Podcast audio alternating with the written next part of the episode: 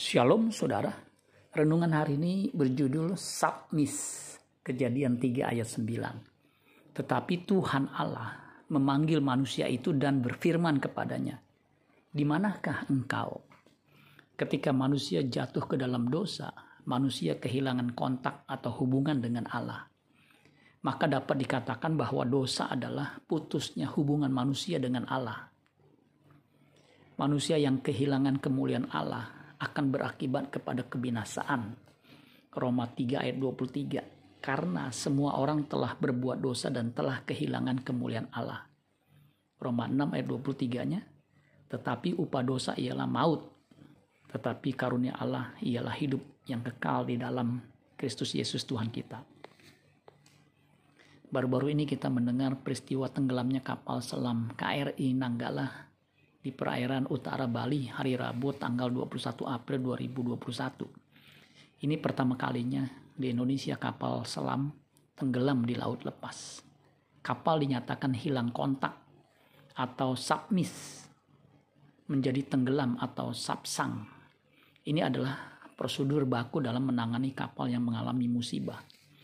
Otoritas yang berwenang akan segera mengganti prosedur dari prosedur yang dinamai sublook pencarian kapal selam ke prosedur submis, kapal selam hilang.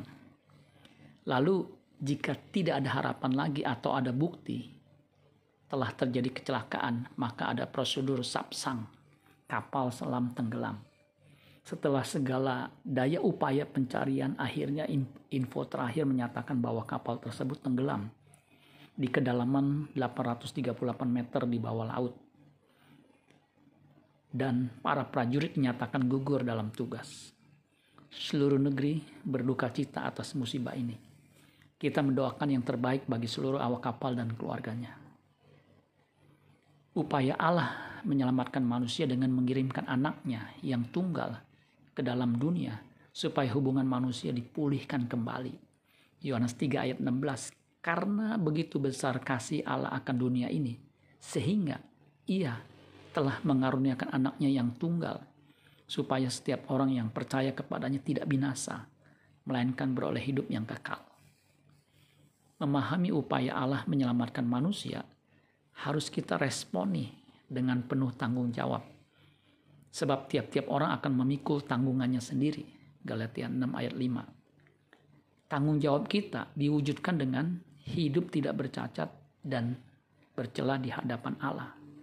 Kolose 1 ayat 20 sampai 22. Dan oleh dialah ia memperdamaikan segala sesuatu dengan dirinya, baik yang ada di bumi maupun yang ada di sorga. Sesudah ia mengadakan pendamaian oleh darah salib Kristus. Juga kamu yang dahulu hidup jauh dari Allah dan yang memusuhinya dalam hati dan pikiran seperti yang nyata dari perbuatanmu yang jahat. Sekarang diperdamaikannya di dalam tubuh jasmani Kristus oleh kematiannya untuk menempatkan kamu kudus dan tak bercacat dan tidak dan tak bercela dan tak bercacat di hadapannya. Amin buat firman Tuhan. Tuhan Yesus memberkati. Sola Gracia.